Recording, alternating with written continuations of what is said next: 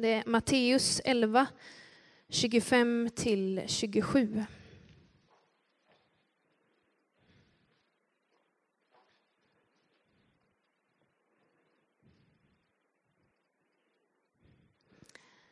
Vid den tiden sade Jesus, jag prisar dig, Fader, himmelens och jordens Herre, för du har dolt detta för de lärda och kloka och uppenbarat det för dem som är som barn.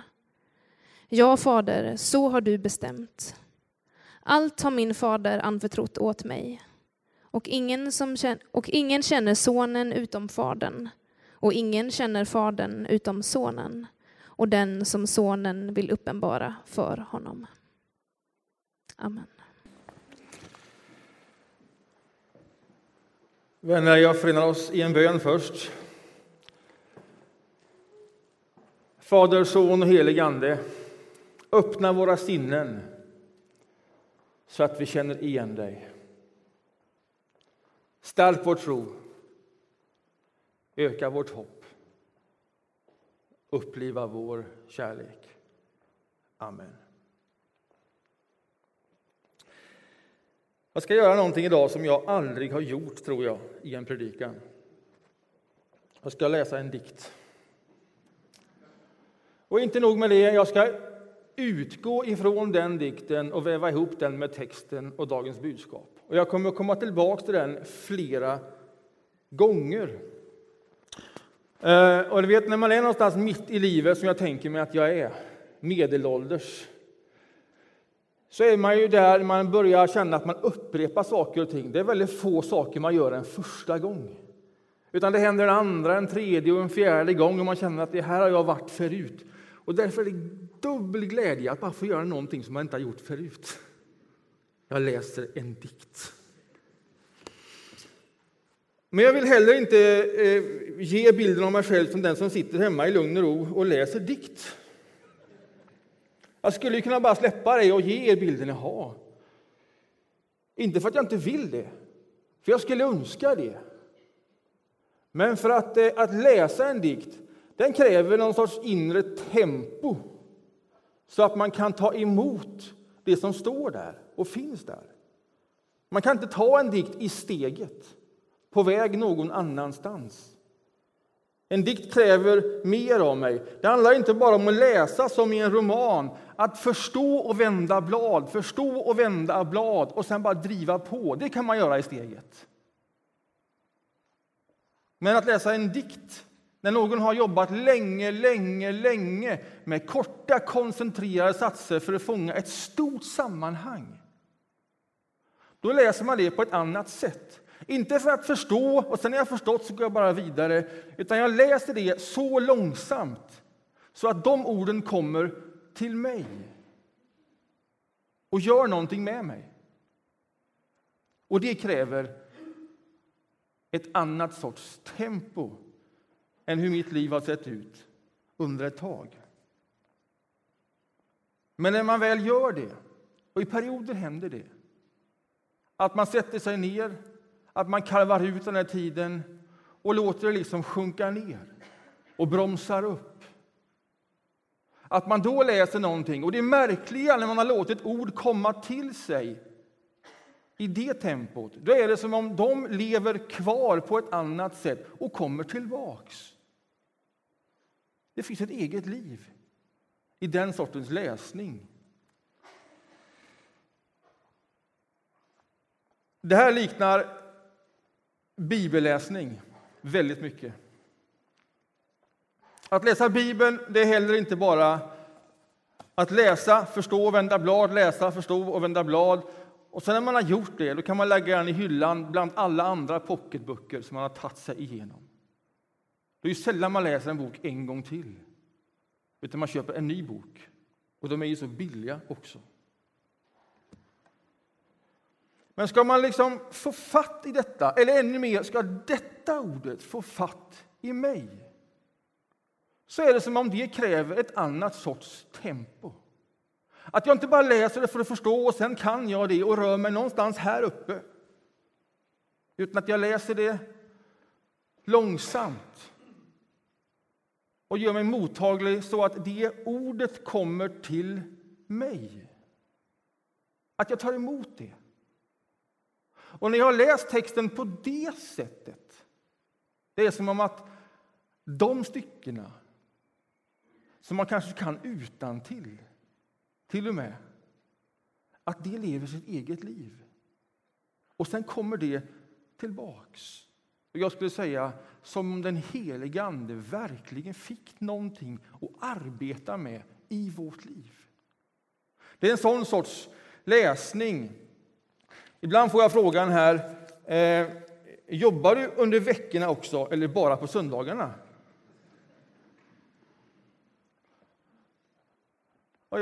Och jag skulle önska att jag bara kunde kontemplera fem dagar över en bibeltext. Eller jag vet inte om jag önskar, jag skulle bli förfärligt rastlös över det. Men det finns ju ändå någonting i det. va? Men så är det sällan. Utan mitt liv ser ut som många av eras liv.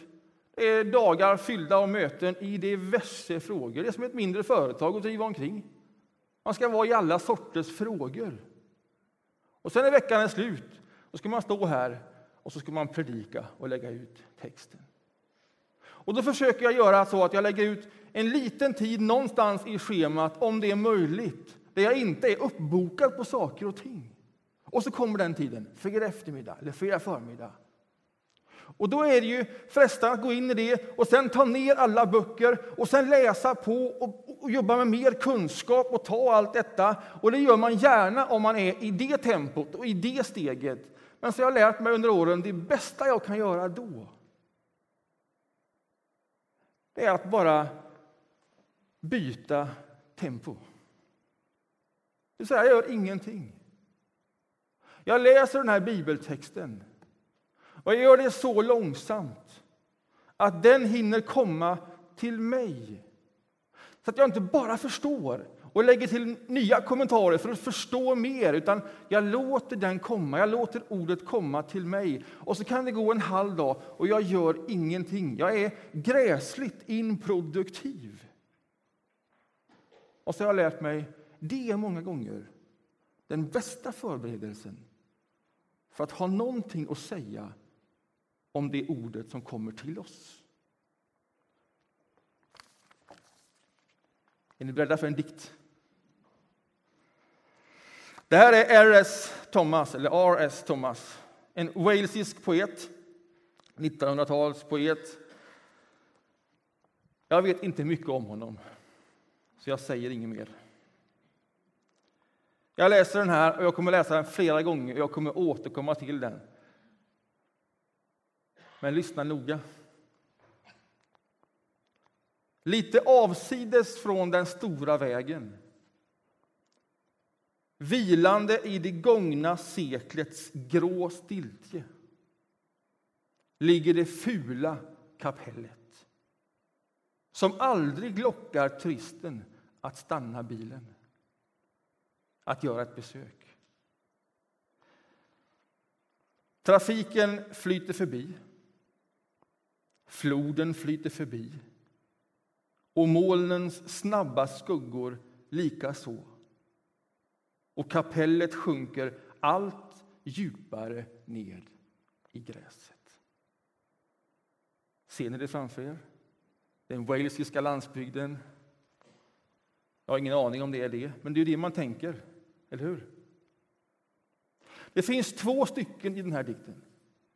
Där är första stycket, första innehållet. Och hela det innehållet, där rör man sig utifrån. Du betraktar någonting på håll. Det är avsides.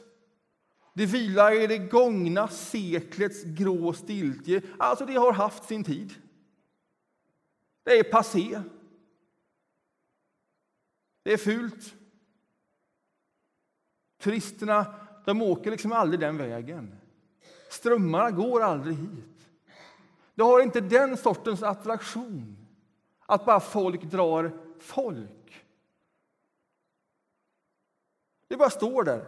Trafiken ja, den håller på, och floden fortsätter att flyta, liksom, och till och med molnen bara åker förbi. Och det sjunker bara djupare ner i gräset. Och sen kommer andra stycket. Är ni med? Men en gång, en kväll som den här.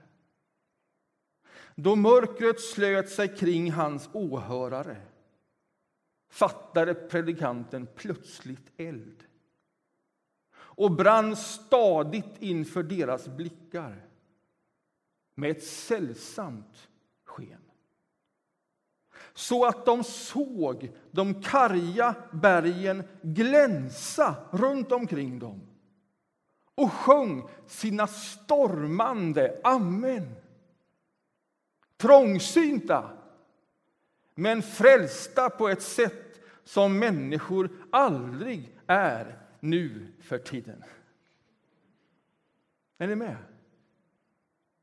Nu har vi tagit oss in i kapellet. Utifrån kan man beskriva det på ett sätt. Och det är ju precis, precis så som det är beskrivet. Och sen går man in i kapellet. Och så kanske inte varenda gång, men en kväll som den här kvällen. Då fattar det eld. Och det gör någonting. Det gör någonting, inte bara med predikanten som går hem och tänker en bra kväll. Det gör någonting med hela församlingen, därför att hela församlingen ser hela omgivningen med ett annat ljus.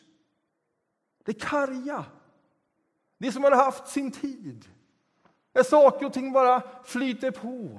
Det upprepar sig. Man vet vad det är en gång till. Den här kvällen ser man på allt det ut genom kapellets fönster. Och när man ser det så är det i ljuset av det man nu har sett, fått upp ögonen för, en känsla så ser allting ut som om det glänser i detta sällsamma sken. Man är frälst. Trångsynt, men frälst. Idag är det trefaldighetsdagen. Det handlar om treenigheten. Det handlar om Fader, Son och helige Ande. Vi är här i kyrkoåret att vi har tagit oss in i en presentation av Jesus. Han ska komma, vi väntar, det är advent, han kommer, han föds. Gud blir människa. Det handlar om Jesus Kristus, det bygger fram mot påsken. Där är det stora mysteriet när Gud dör, han uppstår. Och så tänker man att nu, nu, och så försvinner han bara igen och så väntar vi ett tag till och sen kommer anden tillbaks, pingsten förra helgen. Och så är liksom hela Gud presenterad. Fader, skaparen, han blir människa, sonen, försoningen, den helige Ande är här. Och sen kommer vi till den här söndagen. Och det är som att säga, okej, okay, där har du hela bilden. Nu är Gud presenterad. Bilden är liksom byggd under hela det här året fram tills nu.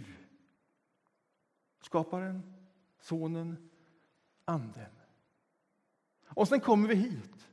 Och då kan man ju parkera här i, ja, då vet vi vem Gud är.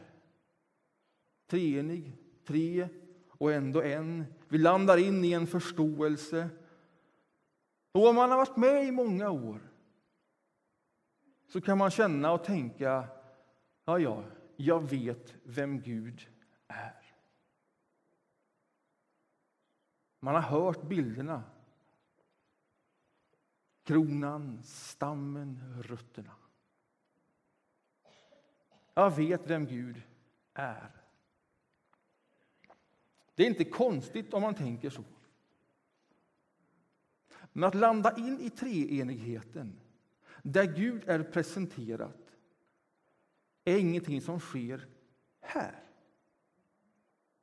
För här tänker man sig att man kan förstå delar av det. Men det är att närma sig mysteriet som att ja, nu går jag in i det, jag läser, jag förstår och går vidare. Vad mer finns att hämta? Nej, nu är vi här. Nu är Gud presenterad. Detta är Gud. Och nu vill Gud komma till oss. På samma sätt som man läser ordet eller en dikt. Så här säger Jesus i evangelietexten som vi hörde. Jag prisar dig, himmelens och jordens skapare. Alltså du som har ett grepp om allting, himmel och jord. Och varför prisar han honom? Jo, jag prisar dig, Herre, för att du har dolt detta för de lärda och kloka och uppenbarat det för dem som är som barn. När vi närmar oss Gud, Fader, Son och helig Ande så handlar det inte om att gå in i det, förstå det, vända blad och gå vidare i året och lägga till nya delar. Man tar inte emot det primärt som lärd och klok. Man tar emot det som ett barn. Och Jesus tackar Gud för det. Jesus tackar Gud för det. Ett barn är nu. Det är extremt frustrerande och fascinerande. Ett barn är precis nu. Det är bekymmerslöst. Vad ska vi göra idag?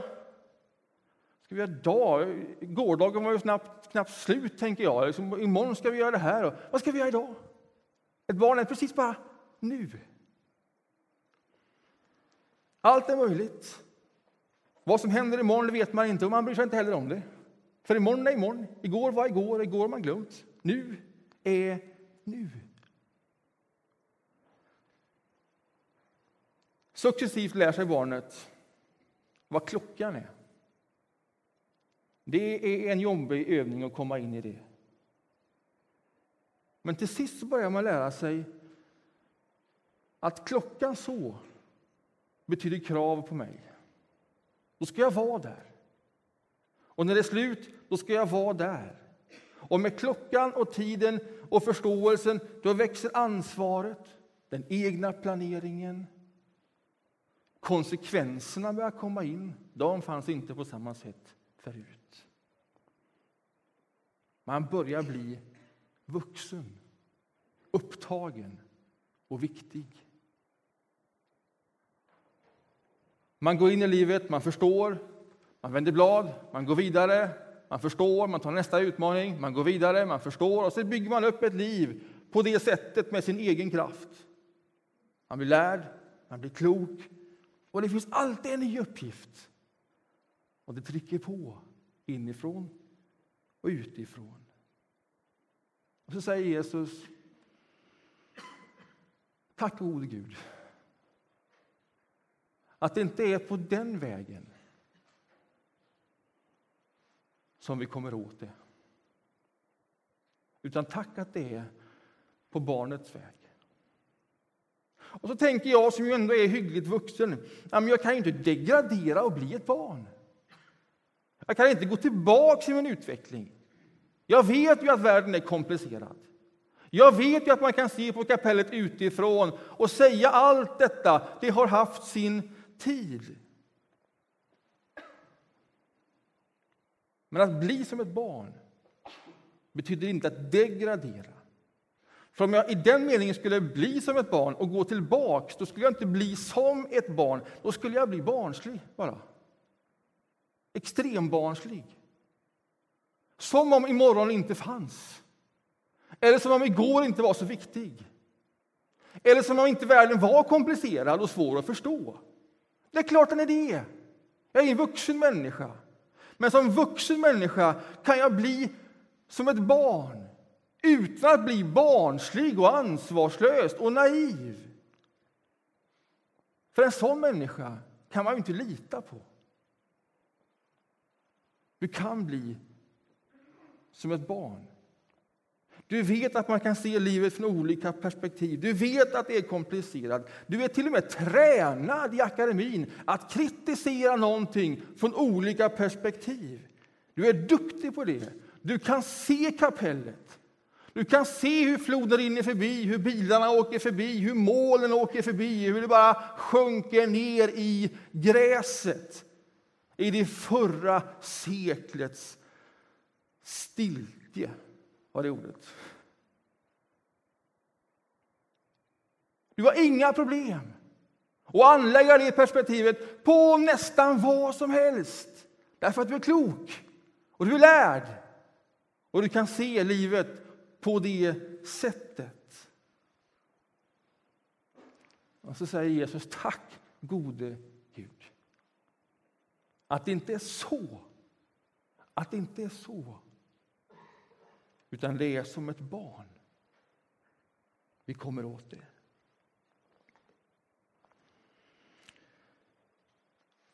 Du går ändå in i det där kapellet. Du gör det. Och du gör det upprepat. Därför att du vet att du i ditt liv behöver ha några ställen som har ett annat tempo, som bromsar upp. Där du inte finns för att du hela tiden tar ett nästa steg och vänder blad, utan där du kan komma in och vara där, improduktiv, lekfull, i ett annat tempo, där du finns primärt inte för att producera, utan för att ta emot. Att det är så vi kommer åt detta mysterium. Vi tar emot. Och de där orden, som är Guds ord, de måste ha möjlighet att landa någonstans. Där de har chans att landa. Och landa in och få plats och rymd. Och detta har du upptäckt. Och Det är därför du återkommer till det där kapellet igen och igen. För du vet att ibland, inte varje gång, men ibland, nu och då då fattar predikanten plötsligt. Och är det inte predikanten så är det en sångare som sjunger som aldrig förr. Eller en text som läses som bara brinner för dig när du hör den. Eller ett möte, ett bröd, ett vin. Det må vara vad det vill. Här förkunnas ordet på tusen sätt. Och en kväll, kanske en kväll som denna, då fattar det eld någonstans. Och Det är därför du återkommer hit, det är därför du återkommer hit som ett barn och du tillåter dig att vara nu.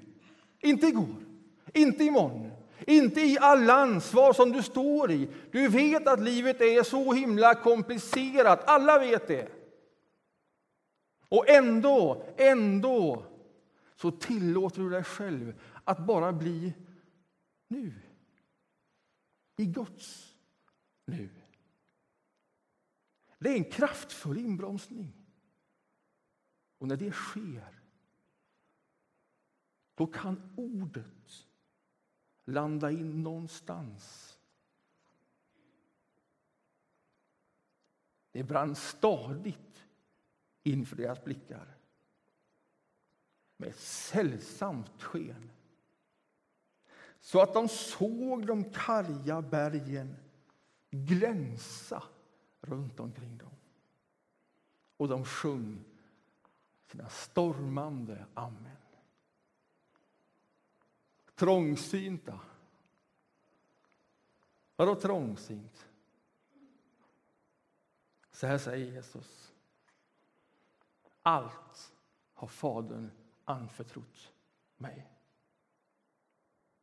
Allt har Fadern anförtrott mig. Allt betyder allt. Fadern, det är han som är himlens och jordens Herre. Det är han som skapar, som äger, som upprätthåller, som ger liv. Allt har anförtrotts Jesus. Det är detta, mina vänner, som man inte kommer åt som lärd och klok. Det är detta, hur någonting, ja hur allting kan koncentreras i en punkt, i en människa, i Jesus Kristus. Alltså det är trångsynt så det förslår. Allt koncentreras, summeras, utgår ifrån, kommer tillbaks till honom, Jesus Kristus. Den heliga Ande låter dig se honom. Och när du ser honom förbinds du genom honom med Fadern och du har ingen aning om hur det går till. Du förstår det inte, du greppar det inte, men du vet. Du vet. Hur då? Att det brinner en eld. Någonstans vet du inom dig, du har fått en blick för den kärlek som uppenbaras i den gemenskapen som gäller dig, hur djupt den är. Och när du ser det, när du upplever det, när du får det till dig så får du en försonande blick på hela omvärlden. Det är som om den glänser på ett annat sätt. Åtminstone för en stund.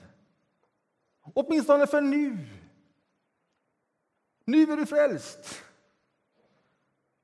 Som man sällan är nu för tiden.